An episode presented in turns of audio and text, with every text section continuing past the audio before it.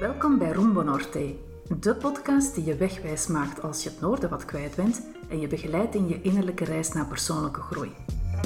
Ik ben Michelle Pus van Thrive Coaching en als selfcare, stress en burn-out coach leer ik je te ontdekken hoe je veerkrachtig door het leven kan gaan. Ik nodig je uit op een avontuur waar zelfzorg, zelfliefde en zelfleiderschap jouw ankerpunten zijn. Dus, als jij nood hebt aan dat duwtje in de rug dat je voedt met moed, tonnen positiviteit en zelfvertrouwen, dan ben je hier op het juiste adres. Sta open voor nieuwe inzichten, zelfreflectie en aha-momentjes terwijl je luistert naar Rumbo Norte.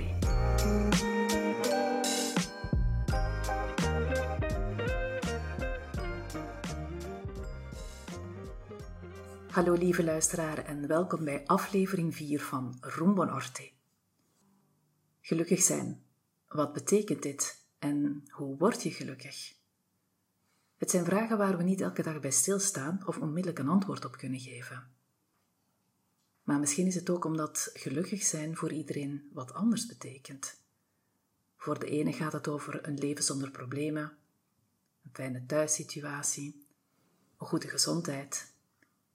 En voor de andere gaat het over lekker eten, leuke dingen doen, contact met vrienden, genieten van de natuur, een liefdevolle relatie hebben. Onlangs stond ik in de supermarkt bij de zuivelafdeling en ik was op zoek naar de houdbaarheidsdatum van een product. Omdat ik het niet onmiddellijk vinden kon, vroeg ik aan de dame die daar de rekken bijvulde of ze me kon helpen. Er ontstond spontaan een hele gezellige babbel. Eerst over hoe fantastisch het is dat er zo'n ruim aanbod is van producten in die supermarkt. En daarna hoe blij deze dame was om vandaag de dag te leven. Zegt ze, in tegenstelling tot mijn moeder, die zes kinderen had, je kan het al inbeelden, hè? de was, de plas. En dat allemaal zonder het comfort dat we vandaag de dag kennen, zoals een wasmachine. Ik ben oprecht gelukkig, zegt ze, dat ik dat allemaal vandaag in mijn leven heb. En dat zag je ook aan haar, dat ze oprecht gelukkig was. De vraag van wat gelukkig zijn juist is, dat houdt de mensheid al wel even bezig. De Griekse filosofen Plato en Aristoteles die stonden daar al 2000 jaar geleden bij stil. Maar ook vandaag de dag is het iets waar zelf de wetenschap zich over buigt. Het heet The Science of Happiness. Toch is het een vraag die wel wat mensen bezighoudt. Hoe gelukkig te worden is een van de meest populaire vragen die men op Google gaat opzoeken. Ik deed het ook, al was het gewoon maar om te zien wat ik allemaal kon vinden. En dat ga ik met jou nu delen. Onderzoek suggereert dat gelukkig zijn een combinatie is van hoe tevreden je bent met je eigen leven en hoe je je voelt op dagelijkse basis. Het algemeen gevoel van geluk, dat wordt vooral genetisch bepaald. Het kan dus zijn dat je lichaam bepaalde stoffen niet of onvoldoende aanmaakt. Ik vond het heel interessant om dit te lezen. Ik had er immers nog nooit bij stilgestaan wat de impact was van jouw lichaam en het ervaren van geluk want wat zijn dan eigenlijk die stoffen die jouw lichaam aanmaakt en die bijdragen tot dat positieve gevoel? Net zoals je stresshormonen hebt, heb je ook gelukshormonen.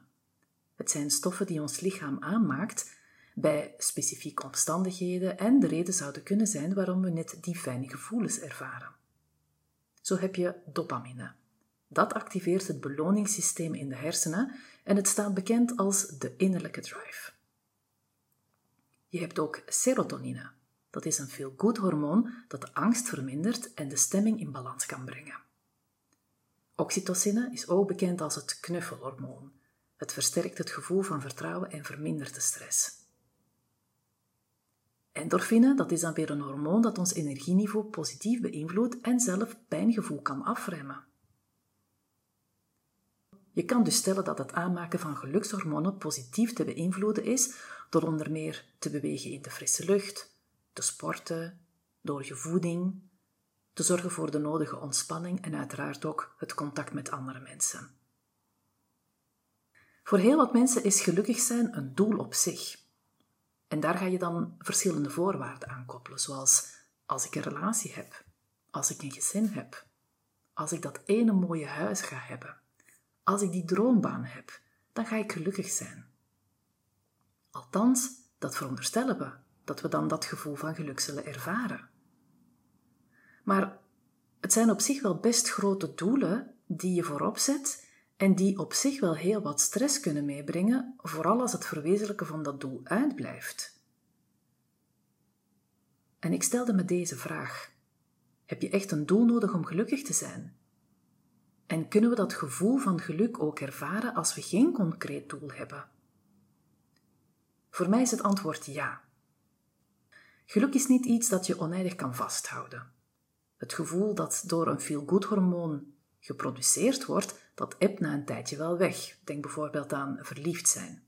In het begin is het heel intens, maar je merkt bijvoorbeeld dat na een jaar dat gevoel en die intensiteit al niet meer hetzelfde is. Indien we er ons bewust van zijn dat we geluk niet eindeloos kunnen vasthouden, maar dat er tal van manieren zijn waarop we het positief kunnen beïnvloeden, dan verhoog je aanzienlijk de kans op een gelukkig en vreugdevol leven. En dat zonder een concreet doel te hebben. Gerard Way omschrijft het heel mooi met deze quote. Being happy doesn't mean that everything is perfect. It means that you have decided to look beyond the imperfection.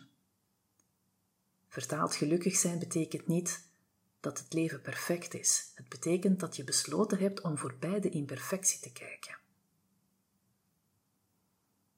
Naast het individuele geluk heb je ook iets als het collectieve geluk. Zo wordt er op jaarlijkse basis gekeken hoe gelukkig de inwoners van een bepaald land zijn. Dat dat wordt gemeten op basis van onder meer persoonlijk welzijn, welvaart en persoonlijke ontplooiing. Vraag je. Weet jij waar volgens dit rapport de gelukkigste mensen van de wereld wonen? Ik geef je alvast een tip mee.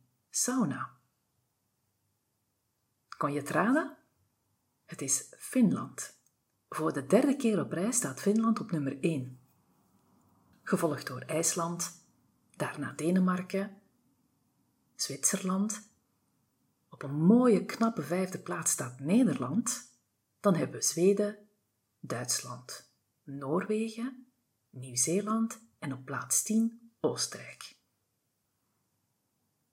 België doet het op zich nog niet zo slecht. We staan op de 17e plaats in de World Happiness Report van 2021.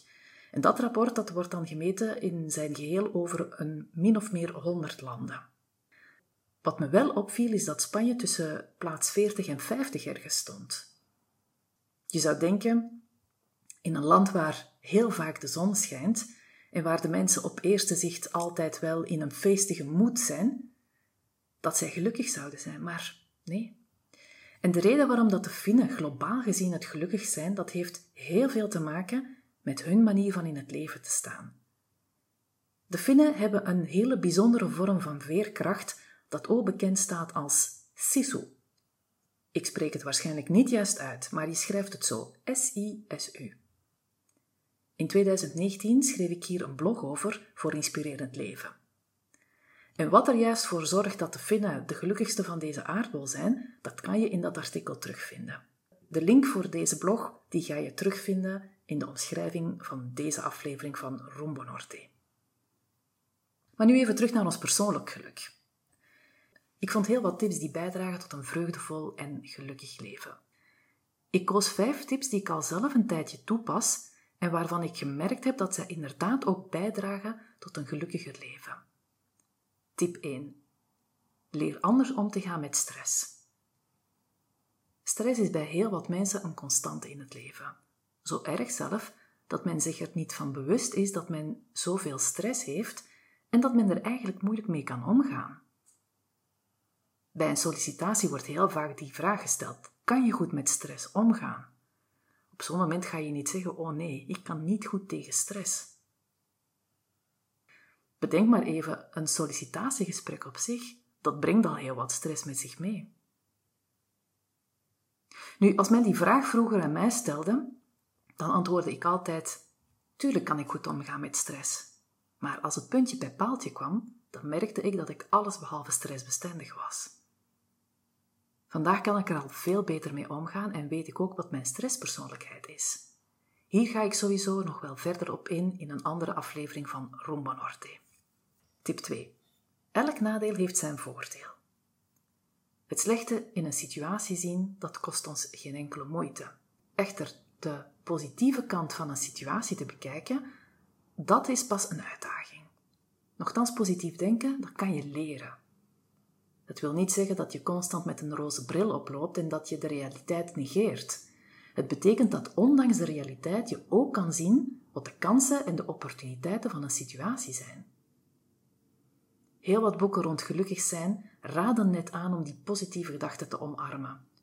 Hoe meer je de goede dingen ziet, hoe minder een situatie je stress zal bezorgen.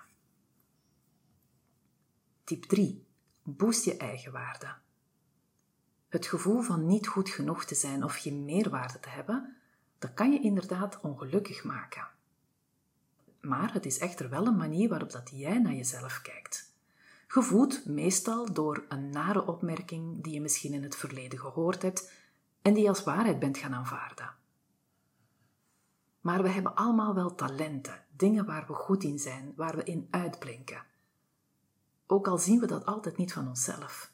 Talenten worden het meest waargenomen door je omgeving. Vraag eens aan iemand die je genegen is hoe deze persoon jou eigenlijk ziet. Wat volgens die persoon jouw positieve eigenschappen en kwaliteiten zijn. Dit gaat je sowieso helpen om een veel beter beeld van jezelf te krijgen en het boost jouw eigenwaarde. Tip 4. Zingeving. In het Engels noemt men dat ook purpose. In het Nederlands vertaald is dat doel, maar ik vind niet doel de lading dekken. Zingeving, dat is iets of iets in jouw leven dat jouw leven extra bijzonder of waardevol maakt. En heel wat mensen kiezen vandaag de dag om die zingeving op een of andere manier ook te kunnen koppelen met hun werk, door bijvoorbeeld te gaan werken in een sector waar je je nauw verbonden mee voelt. Of voor een bedrijf of organisatie te werken die dezelfde waarden en normen als jij deelt. Zo ken ik een aantal mensen die tijdens COVID ervoor kozen om een andere baan te gaan zoeken, die hen meer die zingeving kon geven. Een dame die bijvoorbeeld in een modezaak werkte, die gaf haar ontslag en die ging werken als poetshulp in een zorgcentrum, omdat zij voelde dat door dit werk dat zij iets kon betekenen voor anderen. Dat gevoel dat had zij niet in de modezaak. Een andere dame, die ging haar administratieve functie aan de kapstok, ging zich bijscholen en doet vandaag al stage als verpleegster. Indien het voor jou niet mogelijk is om jouw purpose, jouw passie te combineren met jouw werk, dan kan je ook bijvoorbeeld dit doen. Ga eens na welke organisatie in jouw regio zich bezighoudt met een thema dat jou nauw aan het hart ligt.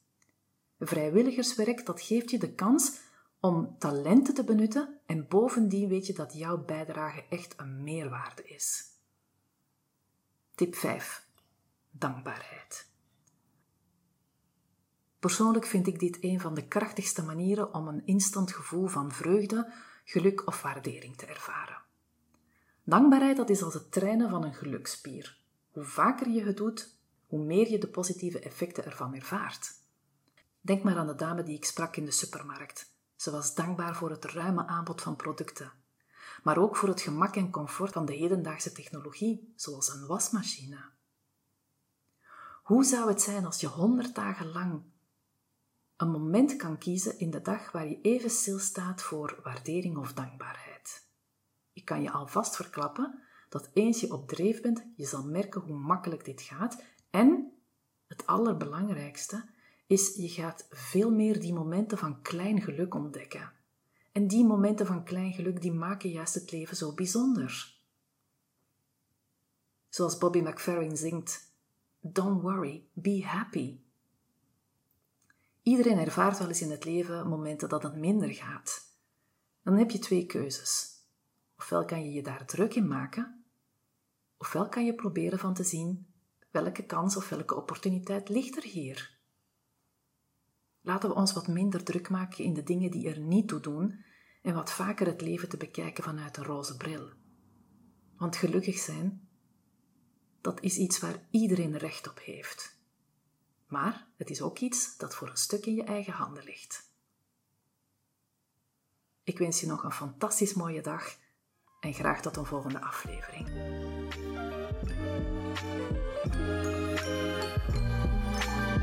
Super tof dat je luisterde naar deze aflevering van Rombo Norte. Dank je wel. Werd je geïnspireerd door deze aflevering? Of ken je iemand die ook interesse heeft in persoonlijke ontwikkeling op een down-to-earth manier? Het delen mag altijd. Laat een beoordeling of review achter op de app waarmee je naar deze podcast luistert, bijvoorbeeld iTunes. Het achterlaten van een review is heel eenvoudig. Scroll naar beoordeling en recensie en laat een beoordeling achter of vertel anderen waarom jij deze podcast leuk vindt. Zo maak je het mogelijk dat anderen de weg naar deze podcast ook zullen vinden. En wil je graag weten wanneer er een nieuwe aflevering van Rombo Norte beschikbaar is? Dan kan je je ook abonneren op deze podcast. Ik wens je nog een fantastische dag en graag tot de volgende aflevering.